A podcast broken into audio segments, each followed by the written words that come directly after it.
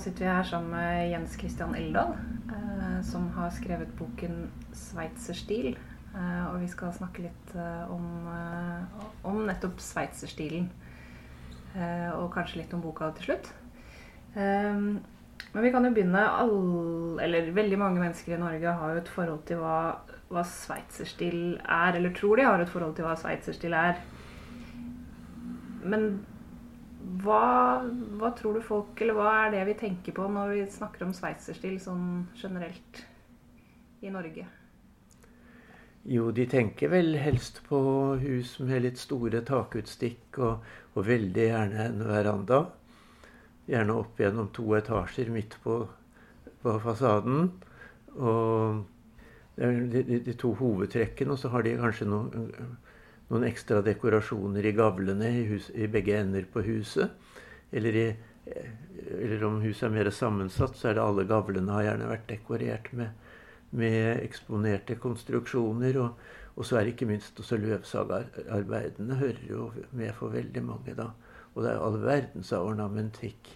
Enten profesjonelt tegnet eller fantasifullt oppfunnet av uh, både eiere og lokale byggmestere som, uh, som er med på å dekorere huset. Så de, de, ofte, de, gjør jo ofte mye av seg i landskapet, kan man si. Det er, det er fjernt fra funksjonalismens enkle og rene linjer, dette her. Men hvorfor altså for Som jeg har forstått fra boken din, så, så er det jo ikke nødvendigvis uh, at disse husene utelukkende stammer fra Sveits. Vet vi hvorfor det har blitt sveitserhus? Ja, altså, Det der er litt, litt, komplisert, men det ser ut som det start, at det er takutstikkene som man hadde begrep om at det var veldig sveitsisk.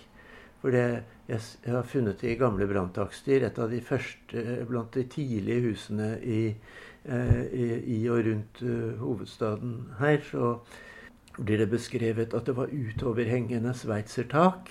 Og, og, og, ganske snart etter det så dukker også sveitserhus-begrepet opp.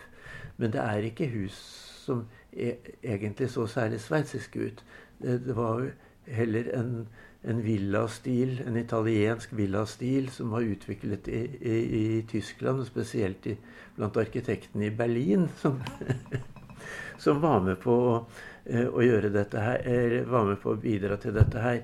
Så det er altså italiensk villastil hvor det er altså snakk om murhus, men med store tretak i, i Tyskland, som eh, er bakgrunnen. Men eh, folk har tenkt på disse store takene, og, og at det var veldig sveitsisk. Men de er nok helst italienske, de fleste av de takene vi ser her hos oss. Og det er eh, også slik at sveitserstilsbegrepet er veldig utbredt også i resten av Europa. Alle germansktalende land, altså Tyskland og eh, Eh, tysktalende land, eh, Tyskland, Østerrike, Sveits eh, og i Nederland, så er begrepet sveitserstil eller sveitserhus brukt om mye av den samme arkitekturen som vi kaller for sveitserstil her hjemme. Så vi er ikke alene om å, å ha misforstått litt. Men det har vi altså gjort. Og det er grunn, eh, dette er jo da grunnen til at jeg har tillatt meg å sette sveitserstil med, med spørsmålstegn som tittel på boken. Det var jo Forlaget og konsulentene syntes det var veldig ille med det spørsmålstegnet, men da de hadde lest innledningen, så forsto de at det, det, var jo faktisk på sin plass. da. Ja, fordi når, når dukker de første husene som vi kaller for sveitserhus, opp i Norge?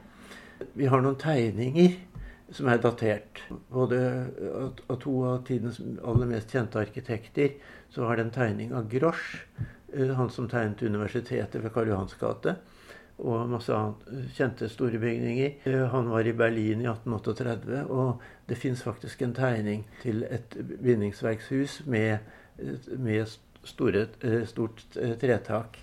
Fins bevart i Oslo byarkiv. og det, underlige er at eh, et hus som ble tegnet av en sveitsisk arkitekt året etter, det, det, har så mye detaljer som stemmer så, stemmer så, godt overens med tegningen til Grosch, at de må ha hatt et felles utgangspunkt. Og begge to hadde jo nettopp vært i Berlin, eller begge arkitektene hadde jo nettopp vært i Berlin, så det er helt tydelig at eh, det kom derfra, og at de hadde sett det samme. Så det er det aller første. 1838 var, det, var dette til, til Grosch da i er hjemme. Og året etter så fins det en tegning i Slottsarkivet til en av portstuene i Slottsparken. Den ble, ikke, den ble ikke oppført etter de tegningene, de ble tegnet nye noen få år etterpå. Men de portstuene og gardevaktstuene i Slottsparken som er tegnet i 1845, de, de er blant det første som ble oppført i, Oslo.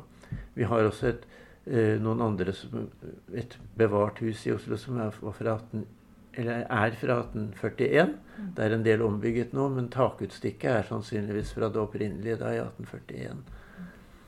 Men så ble jo disse husene enormt populære etter hvert, gjorde de ikke det? Det Kjempepopulært. Folk elsket dem, og de passet. Det var, det var altså utviklet en egen stil for å bygge trehus. Og siden vi bygde så mye tre i Norge, så, så ble jo dette veldig utbredt. Og det ble nytt og fint og moderne. Og det stemte jo helt med tidens stil. Tenk bare på kvinne, mot, eh, kvinnenes draktmoter med alle blonder og frynser og alt. Og interiørene som man har sett så mye av, med viftepalmer og, og frynser og, og posementsarbeider på møblene, og gjerne heklete små brikker og det hele på hengende over stolrygger og på duker og sånn overalt. Eh, så fikk også, så fikk også arkitekturen sine versjoner av den, den måten å pynte på. da. Så selv om ikke alle hus ble like pyntet for løshagearbeidene. Jo, en del hus hadde det, men ikke alle. Andre steder så var det mer vekt på det konstruktive eh, som, eh, som, dekor i arkitekturen. Mm. Altså bjelkekonstruksjoner som man finner i form av hane, eh, i gavlkonstruksjoner og i verandaer med, med, i all verdens fine sammensetninger. Mm. Um, vi har jo snakket litt om uh, alle disse andre, andre uh, stilene som egentlig inspirerer sveitserstilen. Men var det sånn at det, det, var vel ikke sånn at det bare var den italienske villastilen som, som egentlig inspirerer det vi i dag kaller for sveitserhus? Å oh, nei da, det var mye mer. Det var uh, det fantes gammel trearkitektur rundt i Europa som man lot seg inspirere av.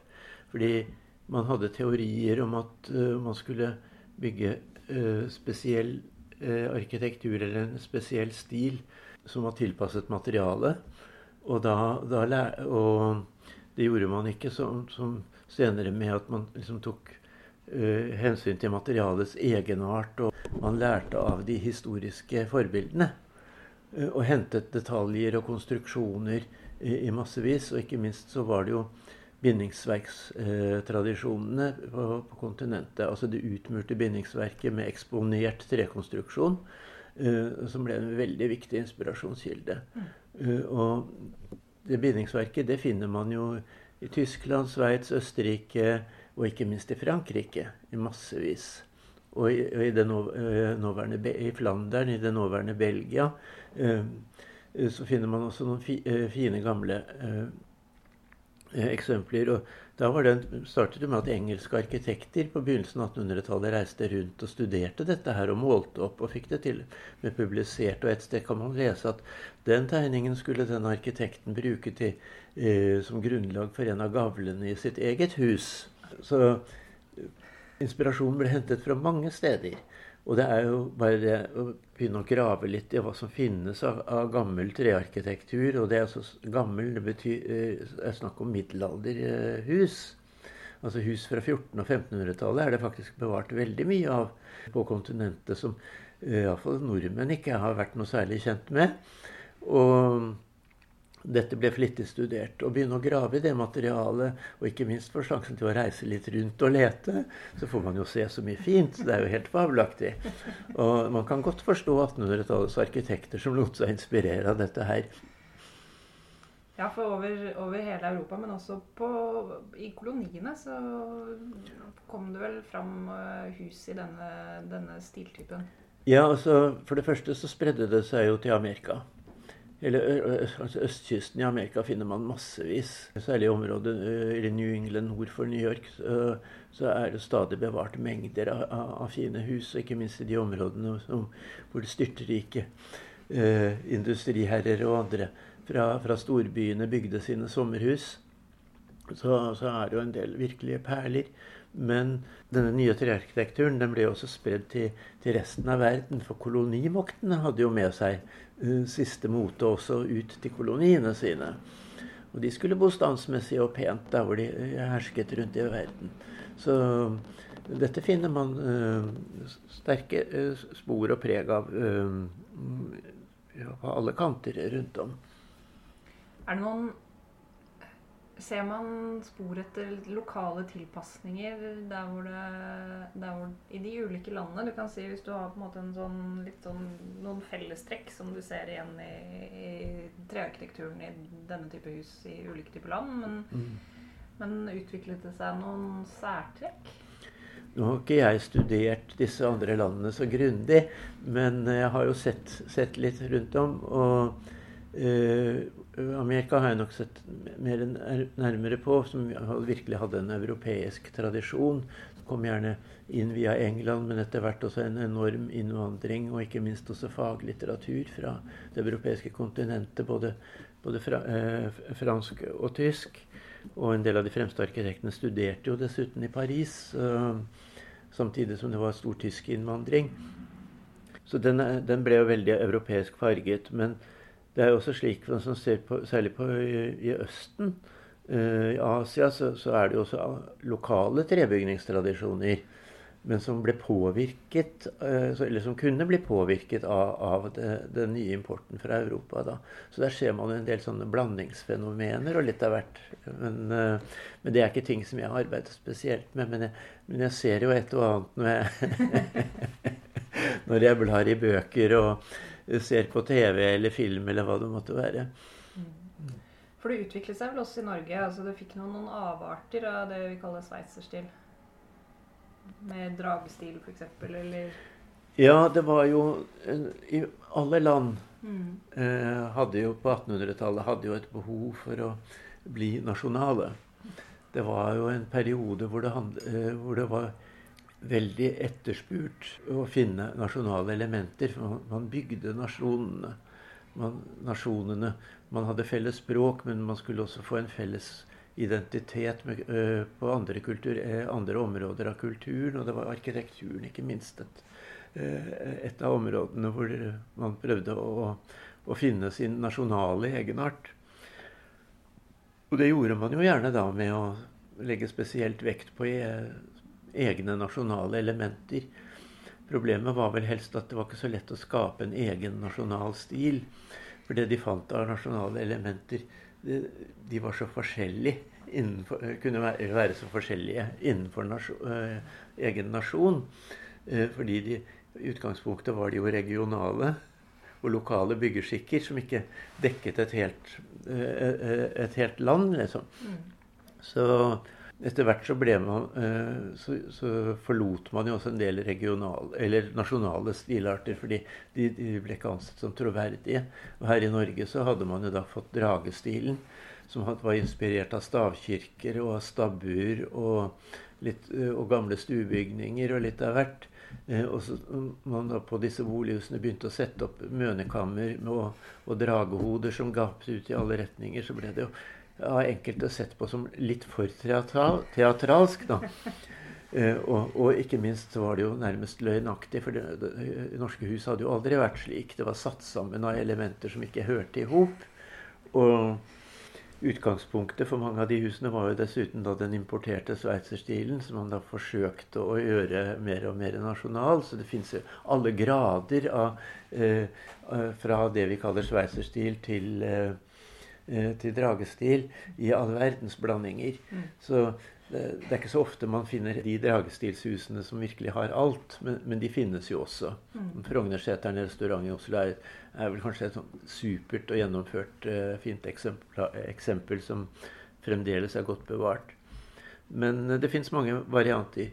Et, men man forlot jo da etter hvert en del av, uh, en del av de mest de sterkeste pittoreske utslagene for å komme frem til ting som, mer, som han oppfattet som mer ekte. Mm. Så da var det en ny nasjonalromantikk som ble utviklet da i årene helt i begynnelsen av 1900-tallet. Mm. Hvor, hvor, man forlot dette igjen. Fordi det, det, det ble for mye. Mm. Så det ble liksom det, det ble mer en sånn litt glorete uh, sett på som en sånn litt voldsom turist Ikke glorete, men litt voldsom turistreklame. ja, det ser jo nesten litt ut som sånne eventyrslott. Ja. Det er jo Soria Moria-slott, dette her, da. Mm, som Dalen hotell og Ja. Og det, og det, var jo faktisk sånn at noen av de første eventyrillustrasjonene, ikke minst denne Soria Moria slott, den mener man jo Den, den har jo da arkitekt Holm Munthe, som ble en av Dragestilens fremste arkitekter, han ble inspirert av, av den. Så det er Soria Moria slott som ligger bak noe av dette her. Og det, det passer jo bra til hele vår uh, nasjonale uh, eller, nasjon, eller, fore, eller, våre forestillinger om nasjonal kulturarv. Da. Og den henger jo i fortsatt? Ja, jeg håper da foreldrene stadig leser uh, norske folkeeventyr for sine barn. Jeg tror jo det. Nå er vi jo på slutten av 1800-tallet, begynnelsen av 1900-tallet. Eh, og innen den tid så har jo det vi kaller sveitserstil i Norge det har jo vart i ganske mange år. Når, når, begynner det å avta? Ja, det var en lang prosess. Eh, fordi arkitektene begynte jo da, som jeg snakket, nevnte i forbindelse med dragestilen, at man begynte å lete i nye retninger. Og det var også veldig sterkt ønske og uttalt ønske blant arkitektene og blant mange andre at man måtte komme seg vekk fra den tyske innflytelsen som man snakket så foraktelig om, eh, og, og, finne frem til det, det mer ekte nasjonale. Eh, eller Paradoksalt nok så var jo det også en form for internasjonal bevegelse, for det gjorde man da i hele Europa. Men uh, man skulle finne sitt eget. Og det begynte arkitektene for alvor å gjøre da i årene uh, omkring 1905. Da Norge ble selvstendig nasjon. Det er kanskje en tilfeldighet at det skjedde akkurat forbindelse med det. Men paradoks, det var også et paradoks da at uh, en del arkitekter reiste jo da til Stockholm for å finne sin utdannelse i de årene der. Fordi der hadde man nemlig blitt så flinke til å Eh, å lage en ny nasjonal svensk arkitektur som også hadde med nordiske tradisjoner å gjøre, som man, som man, mente man kunne lære av også her. Så arkitektene gikk i andre retninger, men sveitserstilen, som den ble kalt, den, den hadde falt i smak hos brede lag av befolkningen. Det var det byggmesterne kunne bygge, og det var det folk ville ha.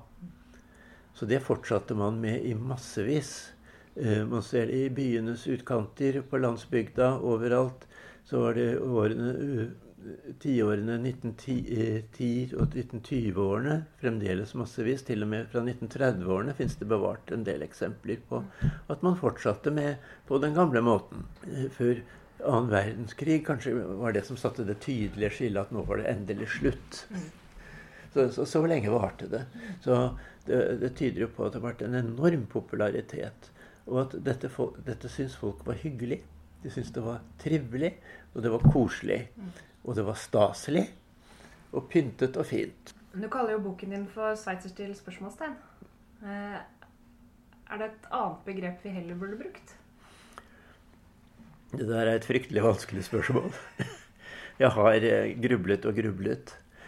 Og jeg er vel kommet til at eh, det innarbeidede sveitserstilsbegrepet og eh, man kan jo bruke noe som man gjorde da tidlig, da denne arkitekturen kom. Det, man kalte det den nye trestil. Men eh, den er jo ikke spesielt ny lenger, så det er, så det er egentlig ganske håpløst. Og dessuten sveitserstilsbegrepet er så innarbeidet eh, at jeg har ingen ambisjoner om at jeg skal klare å utrydde det. Ikke på noe vis. Eh, men eh, man kan jo få lov å stille spørsmål ved det. Det kan man. Absolutt. Eh, boken din heter da altså 'Sveitserstil?' spørsmålstegn.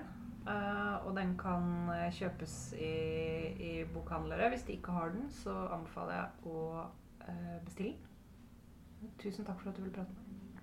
Ja, takk selv.